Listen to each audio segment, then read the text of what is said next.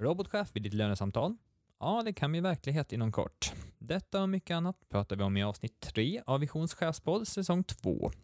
Där gästas jag, Josef Bengtsson, digital producent på Vision av Anneli Telmo Ljung och Ann-Therese Enarsson. Vi kommer prata om framtidens arbetsliv och på slutet kommer även Jonas Karlsson från Vision att komma med en färsk trendspaning kring chef och ledarskapsfrågor. Så varsågoda, här kommer tredje avsnittet på säsong 2 av Visions chefspodd. Ja, i detta avsnitt ska vi prata om framtidens arbetsliv och med mig har jag två gäster som ska kika in i spåkulan. Jag tänker att ni får presentera er själva. Ska jag börja med dig Anneli? Hej, Anneli Tellmo Ljung heter jag. Jag jobbar som äldreomsorgschef i Nässjö kommun. Jag heter Ann-Therese Enarsson och är VD på Futurion som är TCO och TCO-förbundens tankesmedja för framtidens arbetsliv. Välkomna hit. Men visst är du Atte som ja. det kallas? Ja. ja, då kommer jag säga Atte. Short för Ann-Therese. Ja. Precis.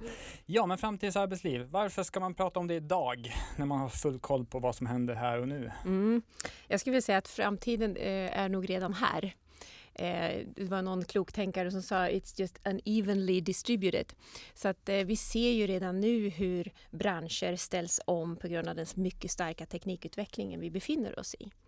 Så därför är det, vi vet ju att alla våra jobb kommer påverkas av den starka teknikutvecklingen som vi är i. Så att det, det är därför vi behöver förbereda oss redan nu. Anneli, hur ser det ut på din arbetsplats? Börjar ni förbereda er för framtidens arbetsplats eller hur? Ja men absolut, det, ty det, tycker jag. Det är ju precis som jag säger här att det är ju helt omöjligt att tänka idag att man inte ska eh, eh, anpassa sig eller ställa om. För det kommer ju, vi kommer ju ha utmaningar i framtiden som, vi, som kräver att vi tänker nytt och är outside the box och tänker på nya sätt som vi kanske inte riktigt är vana och, eh, och trygga i idag. Men hur ser arbetsmarknaden ut idag? Är den anpassad för vad som ska komma här i framtiden? Jag läste alldeles nyligen en rapport från OECD som kom nyss och den konstaterar ju att just Sverige är ju en så kallad digital frontrunner, det vill säga att vi har en relativt högt utbildad arbetskraft som, som så att säga är eh, man ser att vi har en ganska låg andel jobb som är möjliga att helt automatisera bort.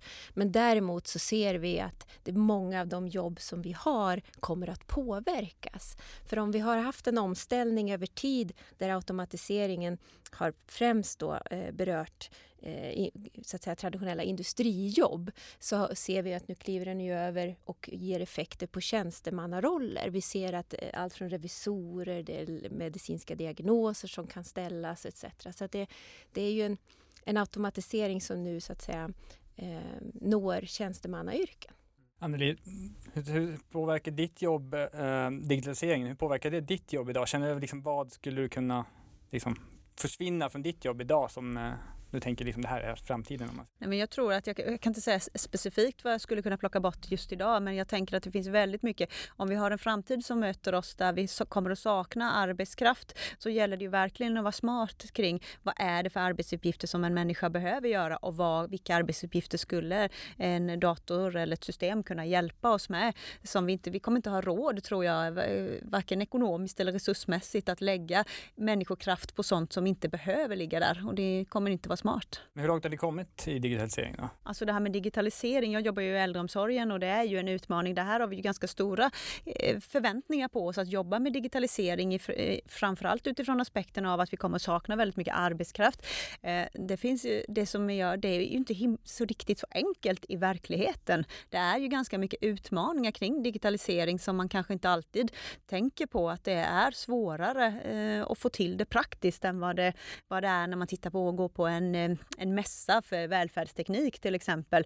Alltså vi har ju lagstiftningar som inte riktigt har hunnit med i dagens samhälle som gör att ja, det finns tekniken och det finns metoderna men det är inte riktigt, lagstiftningen är inte i hamn än. Och då, som, där, som jag ser som utmaningar. Eh, och också hur accepterat det är för många människor. Också alla tycker inte att det här ser ju inte det givet som att det är bättre. En del kan ju faktiskt tycka att det är en försämring när man lägger över på teknik. Mm. Vilket jag tror i och för sig kommer att, att vända. Jag tror att man har, många är mycket, mycket mer positiva till välfärdsteknik idag än vad man var för bara kanske ett par, tre år sedan. Vad ser du där att, eh, inom välfärden? Nej, men det finns ju, eh, om man ska ta exempel, vi pratar om hemtjänst och, äldreomsorg, då tänker jag på, eh, det finns ju många verktyg idag. Jag såg en teknik som eh, prövas på sina håll, det här med robotdusch till exempel. Där, där man får hjälp av en, av en robot helt enkelt. Du sätter dig i och, och, och blir alltså duschad av en robot.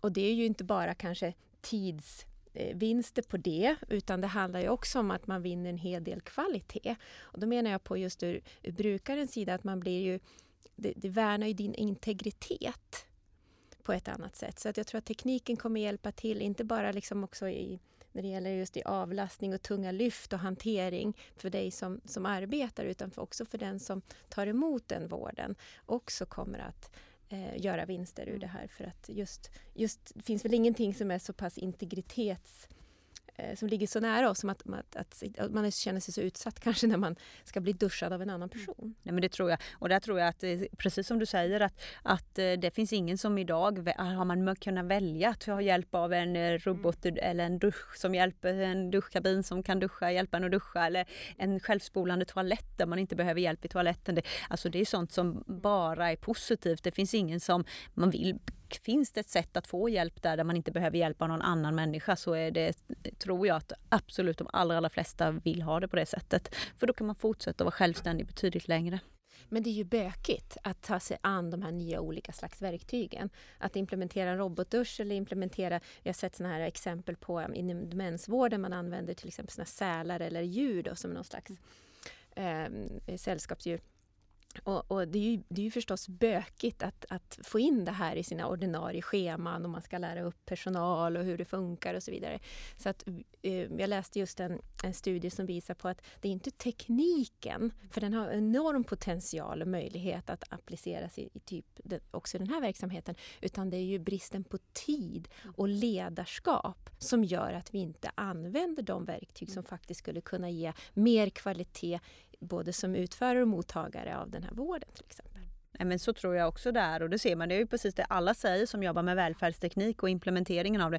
Man tror ju många gånger att det är kostnaden att köpa in, att det är det som är bekymret. Men det är det ju inte utan det är ju att få människor att börja jobba på ett annorlunda sätt och, och ta sig tid och komma över och jobba med de nya metoderna och arbetssätten. Att det är där utmaningen ligger och där man måste som chef vara väldigt närvarande och coacha och stötta och verkligen se till att det finns bra förutsättningar för att gå över till ett, ett nytt arbetssätt för vi är ju, tenderar ju att vilja jobba som vi alltid har gjort. Det är ju enklast för oss. Så återigen då konstatera att, att digitalisering är ju ingen IT-fråga, det är en ledarskapsfråga. Mm. Och jag såg eh, jag drog lite på smilbanden när jag såg en, en, en som, som, som stödjer det, det är att jag såg en undersökning bland svenska eh, tjänstemän och chef och ledare eh, när det gäller just deras tid och möjlighet och inställning till den digitala transformationen så svarar alltså 50 procent att de gör sken av att hänga med. 20 procent påstod att man hängde med, oklart vad, om de gjorde det egentligen. Och sen 30 procent som bara säger hej, det går för fort. Jag hinner inte med. Så att det är ju vi människor och möjligheten som chef och ledare att skapa tid och möjlighet att använda oss av tekniken för att arbeta smartare och kunna ge högre kvalitet förstås, som är helt avgörande.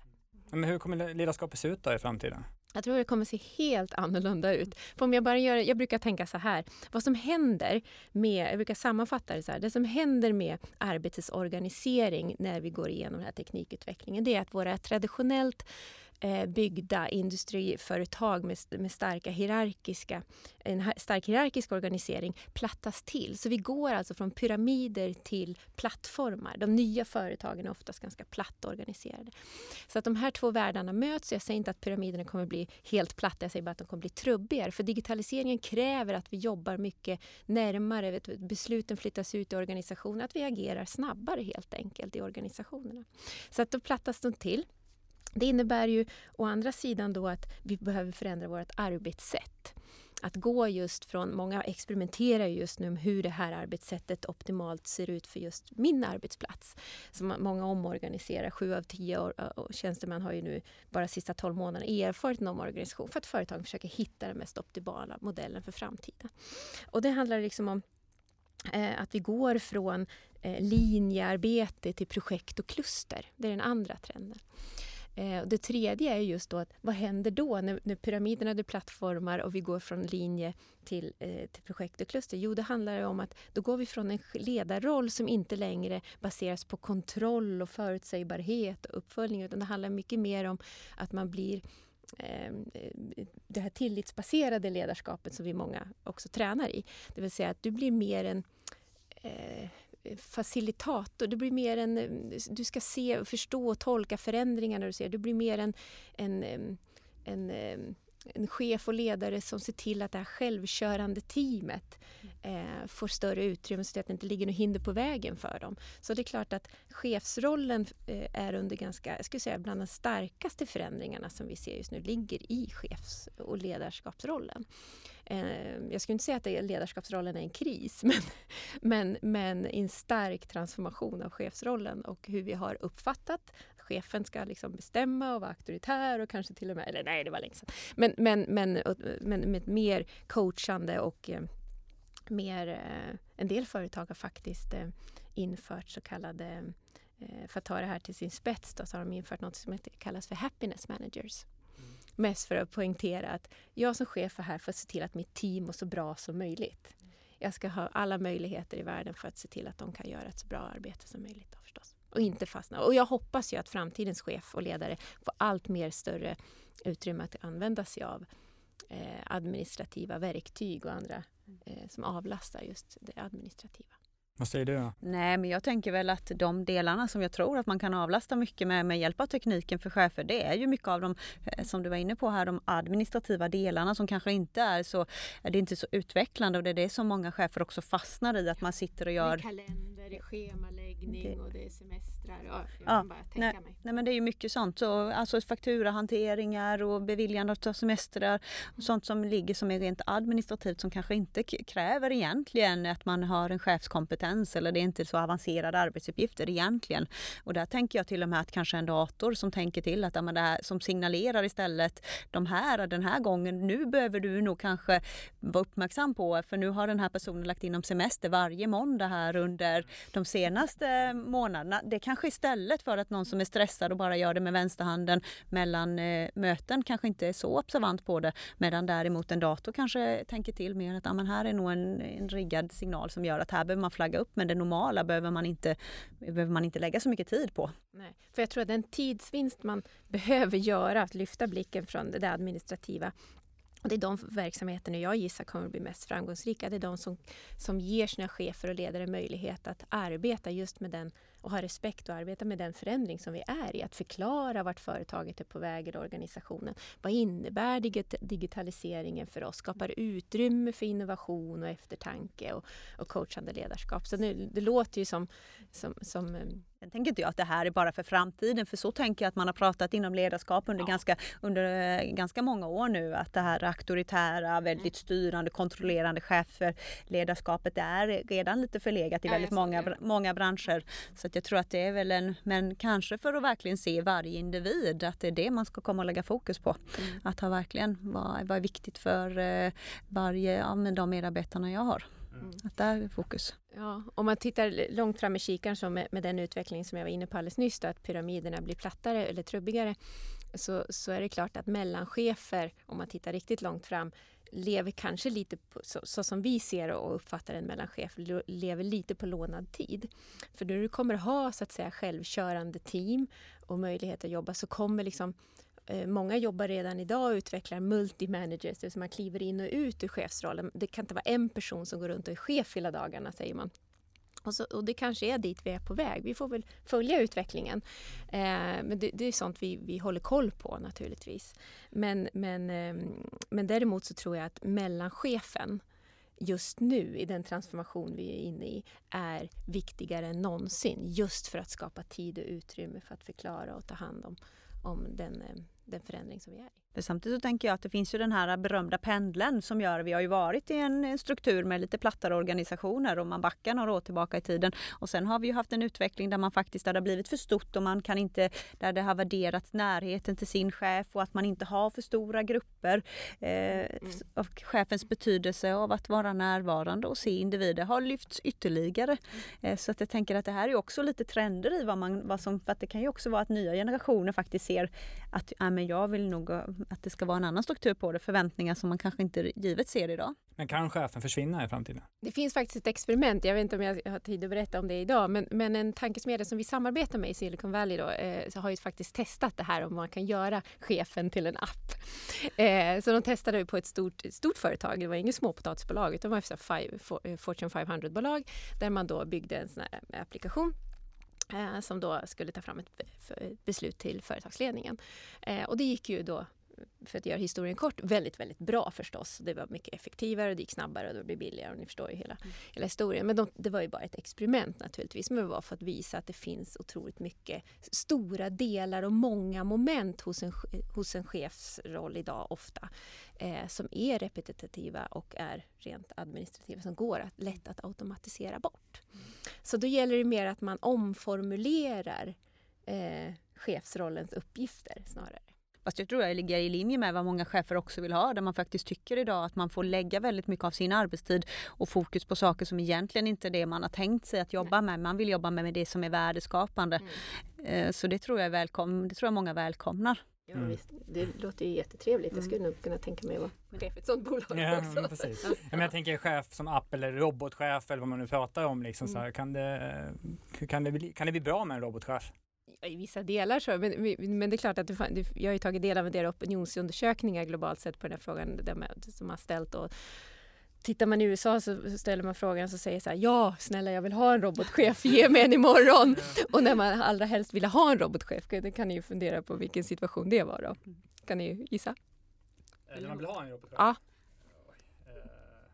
När man ska ta ledigt kanske och få bevilja ja. semester ja, och sånt. typ. Nu är det väldigt nära. Det är löneförhandlingar. Då vill jag absolut ha en robotchef för då ska jag ju äntligen bli rättvist bedömd för mina prestationer. Inga subjektiva filter. Det var så man trodde och uppfattade i alla fall. Det var lite roligt. Jag tror att man kommer tycka att det blir orättvist ändå. för då är roboten orättvis den också. nej, nej, det tror jag I alla fall inte vid lönesamtal och löneförhandlingar. Det är nog en bra grund. Men, men tittar man ju i, i Europa och framförallt uppe i Norden så är vi mer, lite mer skeptiska till, till att ha en, en eh, en chef som en app. Mm. Men däremot så, det är klart att vi ser också skillnader bland generationerna där man äldre är mer skeptiska och yngre är kanske mindre skeptiska att i alla fall i delar och moment kunna tänka sig för vad då? de har ju redan Siri som talar om vad de ska ja. kläder på sig på morgonen och talar om vilket väder det är och så vidare. Mm. Så att jag tror att det, det handlar lite också om generation. Så. Vad finns det för nackdelar då med en robotchef eller en app som chef? Eller Ja, men det finns ju säkert jätte... Det finns ju säkert, det brukar ju vara så med det mesta, att det finns ju ingenting som bara är bra utan det är ju ja, säkert så att det är nackdelar med. Och jag, alltså jag tänker ju något som oftast brukar värderas väldigt högt, det är ju den här att man, har, att man, att man som medarbetare upplever att ens chef ser en, är närvarande och att man faktiskt eh, eh, får, det där, den, får den där uppmärksamheten ibland som just att ja, men jag tänkte på dig till denna utbildningen. Eh, och jag tror kanske att även om en, man kan programmera en, eh, en app eller en robotchef att göra fånga precis samma signaler. Så jag är inte säker på att jag tror att det finns det, det mänskliga mötet ska vi inte förakta. Eller liksom det, det, det är så viktigt ändå. Mm. För det är fortfarande människor mm. som jobbar. Mm. Jag tänker feedback exempelvis. Ja. Det är jätteviktigt kanske man behöver träffas någon som det är svårt att få av en robot. Det är säkert fler chefer som hade lämnat över den här negativa feedbacken mm, till en robotchef.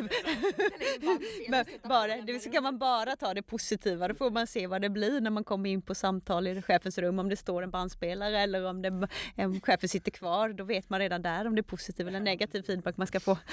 Ja men gud så hemskt. Ja, det kan ju bli hur tokigt som helst. Mm, Nej men jag stämmer in i det. Det finns ju delar i ett chef och ledarskap som är svårt att automatisera och det som man ännu inte i alla fall har knäckt det är ju det just förmågan förmågan, som du sa, då, att, att visa empati och, och framförallt också som chef och ledare att kunna hantera eh, eh, oförutsägbara situationer, det vill säga det, som inte har lyckats mata in eller som finns i den här som, som finns i, i, i, databasen för, för en maskin att kunna räkna ut. Utan mm. man kan ju inte eh, idag än, än så länge hantera alla oförutsägbara situationer. Så det finns ju några moment som är helt ovärderliga som, som för en mänsklig mm. ledare. Och det är ju inte, så här, det är inte människor, och det, ju, det, har vi väl kanske understrukit i det vi har sagt här idag, men det handlar ju inte om att vi ska möta den här artificiella intelligensen, liksom, göra något motstånd, utan mer liksom eh, anamma den och se dess möjligheter och sen möta AI, vad vi brukar säga med HI, den humana intelligensen. Att komplettera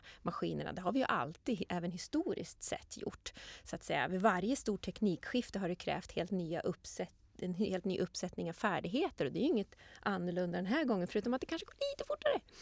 Mm. Eh, så att, att, om vi bara ser till och blir Eh, möter den här paradoxen att ett mer robotiserat arbetsliv innebär faktiskt att vi äntligen kan bli mer mänskliga. Att vi ser till att den här äldreomvårds äldrevårdstimmen, jag vet inte hur ni benämner det riktigt, jag kommer inte på, får inte fram ordet.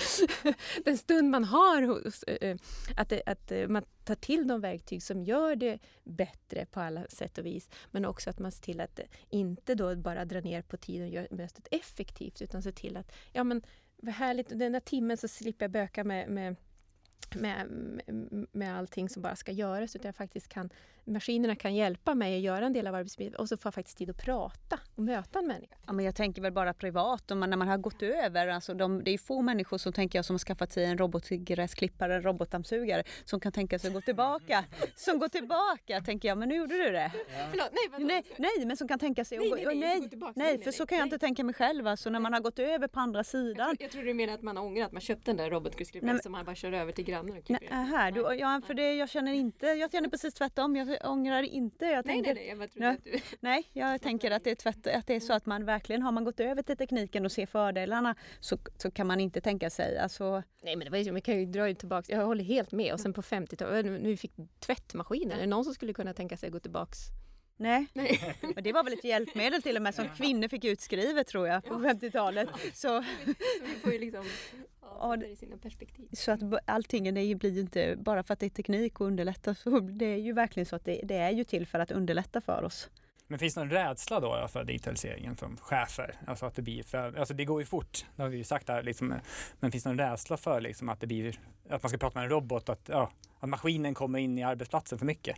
Alltså, rädsla och rädsla. Jag tror att det är mera att det, det händer så mycket idag och som gör att man egentligen innan man ens har hunnit att börja på en del så är det nästan för gammalt. Då är det nästan den redan förlegad. Alltså jag, jag tänker till exempel om man går tillbaka till min verksamhet och alltså kameror in, i hemtjänst har ju varit någonting som man har jobbat med och uh, försökt och det är ju inte jätte jättestort, har inte, är ju inte jätteutbrett i Sverige ändå förhållandevis. Men ändå så pratar man ju nu om att det är redan egentligen förlegat. Nu pratar man om sensorer istället. Att redan när man, att man jobbar med sensorer istället just för att eh, någonting som man tänker att nu kommer det här och så börjar man anpassa sig till det och tänka sig att hur skulle vi kunna jobba med detta? Mm. Och när man väl börjar komma på banan då nej, då har vi bytt.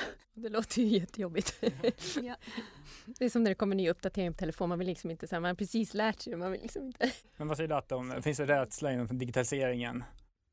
Ja, men om man tittar i, i morse hade jag förmånen att, att lyssna på en panel som, ehm, där eh, vår forskningsledare bland annat redogjorde för, för den senaste rapporten Futuren har skrivit och den handlar ju mycket om då populismens verkliga drivkrafter. För om man tittar på ur ett samhällsperspektiv så är det naturligtvis när samhället förändras för fort eh, och vi inte hinner att, med att ställa om våra utbildningssystem, våra omställningar och liksom garantera och få ett bra omställningstrygghet vi har ju varit i världsklass på det här i Sverige idag och jag tror att vi kommer klara oss fint. Men vi får liksom inte bli fat cats här och luta oss för bak och lita på att vi fixade förra gången och gången innan dess också. Liksom.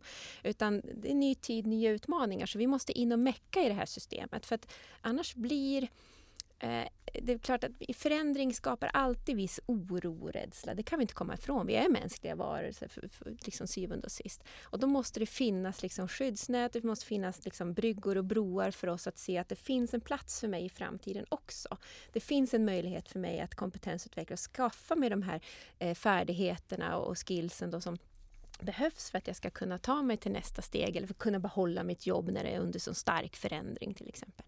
Så det är, det är klart att eh, förändringens tider kan innebära orostider också. Men där har vi en, en, en diger uppgift som chef och ledare att, att vara trygga och, och, och, så och så ställa krav på, på parterna men också på våra politiker att se till att våra omställningssystem fungerar. Då kommer vi kunna växla ut vinsterna från den här teknikomvandlingen eh, som vi är inne i. Men finns det tid då med att kompetensutveckla sig för chefer? Alltså har de tid att kompetensutveckla och hänga med i digitaliseringen? Tror det är väldigt olika. Men om tittar bara på, oavsett om man är chef eller inte, men om man tittar bara på tjänstemännen som kluster så ser man att fyra av tio tjänstemän inte har kompetensutvecklat sig de senaste 12 månaderna. Eh, och det kan ju bero på alla möjliga saker, att man själv inte prioriterar eller att arbetsgivaren inte prioriterar det. Så ser vi att tre av tio företag inte ens har en kompetensstrategi för sina medarbetare. Det är också liksom minst lika alarmerande. Så att jag tror att man jag tror att man biter sig i foten, eller vad säger man? Spik i foten, biter sig i svans. När man, när, man, när man inte ser till att, att verkligen tar sig tid och att det blir ett större individuellt ansvar att se till att man genomför sin kompetensutveckling. Det tror jag att vi inte kan komma ifrån. Att det blir lite mer upp, tidig, än tidigare upp till oss själva att, att söka den och, och skapa tid och möjlighet för det. Vad säger Daniel om det? Nej, men jag tror ju att eh, med, kom med kompetensutveckling, det måste man ju som arbetsgivare, oavsett om det handlar om digitalisering eller vad det än är för område, att man verkligen, det tror jag blir en, en sån sak som jag kan tänka mig att, eh, att människor framåt kommer att värdera, inte givet bara vad, man, vad det står på lönespecen, utan även också hur en arbetsgivare uppmuntrar till och är stöttande och erbjuder utveckling och kompetensutveckling i befintlig, i, på sin befintliga arbetsplats. Det tror jag absolut kommer också vara en sån sak som människor värderar. Och, eh, alltså jag hörde någonstans att det var någon som sa men är det, man är rädd för om man, att arbetsgivare kanske är rädda för att kompetensutveckla sina medarbetare för de är rädda att de slutar. Alltså om man ställer sig i relationen till att om man inte kompetensutvecklar och de stannar kvar. Mm. Det är ju, det är ju det är ett betydligt värre scenario. Mm.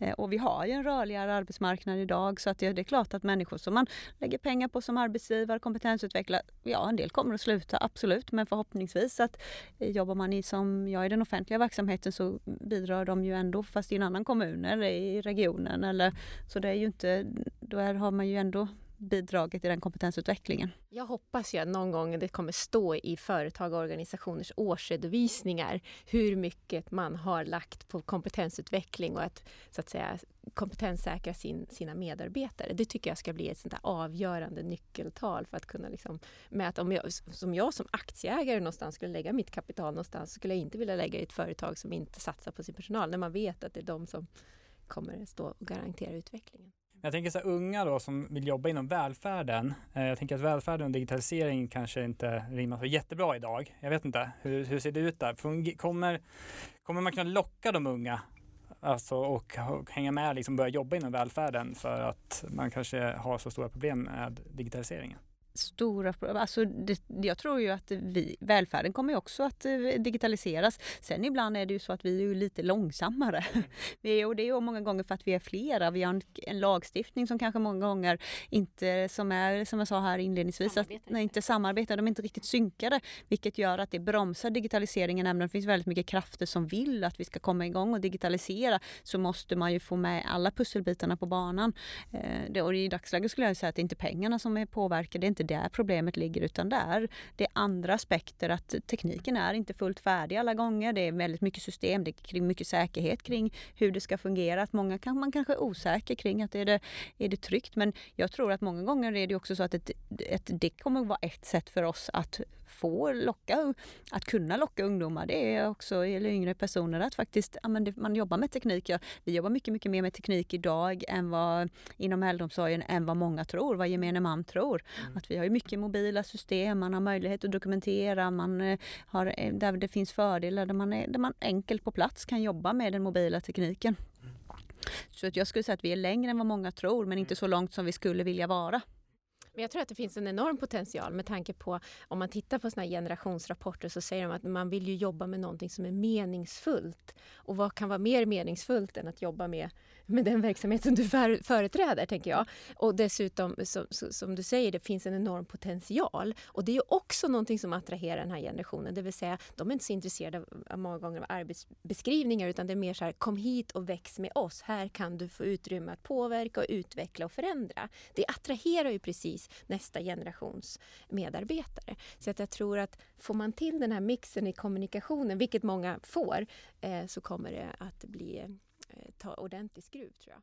Jättebra. Eh, vi ska börja avrunda, eller är det något mer ni känner att vi ska prata om innan vi avrundar? Nej, men jag, jag tänker väl så här att det, vi, vad vi gör är att se olika scenarier så vi följer liksom forskning och litteratur om vad vi, har att, vad vi möjligtvis har att vänta. För det finns ju, no, there are no future facts, så är det ju. Utan det blir vad vi gör det till lite grann. Och därmed tror jag att vad som jag skulle vilja skicka med är just det att företag och organisationer vågar och ha möjlighet att experimentera lite mer. För man vet inte allting redan. Att man vågar prova.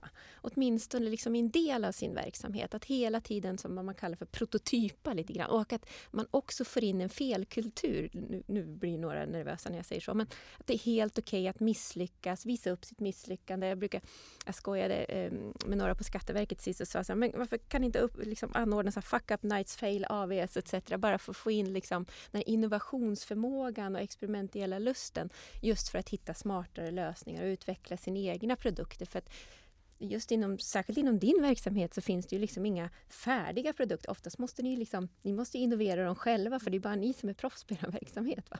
Så innovationen måste komma inifrån. Det finns inte färdiga paket att köpa alltid utifrån. Va?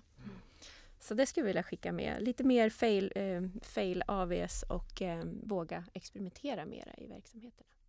Har du någonting som du skickar med? Nej men jag tänker väl lite inne på samma spår att man måste våga prova för jag tror att det är de, inte säkert att de utmaningarna man tror när man jobbar med teknik att det är de man kommer att få utan det blir faktiskt när man väl börjar jobba med det så, så är det helt andra saker som, är, som kommer att bli bekymmersamt. Eller som kanske som man i alla fall måste lösa. Så därför tror jag att våga prova i liten skala och att våga testa och vad är det som händer och hur funkar det och få igång det så att det faktiskt det här är inte en produkt som vi, att digitalisering är ingenting som vi trycker ut till våra kunder utan det är någonting som våra kunder efterfrågar istället. Att man tycker att, och det ser man ju att idag, det har ju vänt väldigt mycket att många eh, vill ju hellre idag, man vill ju ha tekniken blandat med, det, med mötet. Jag menar vi ser ju Kry-appar till exempel eh, som där man, man snabbt möter en läkare till exempel. Det är många som man vill ha den här, den här enkelheten, snabbhet, att det är det som många efterfrågar. Så bryr man sig inte riktigt så mycket om att man, man har inte det personliga mötet där i samma rum.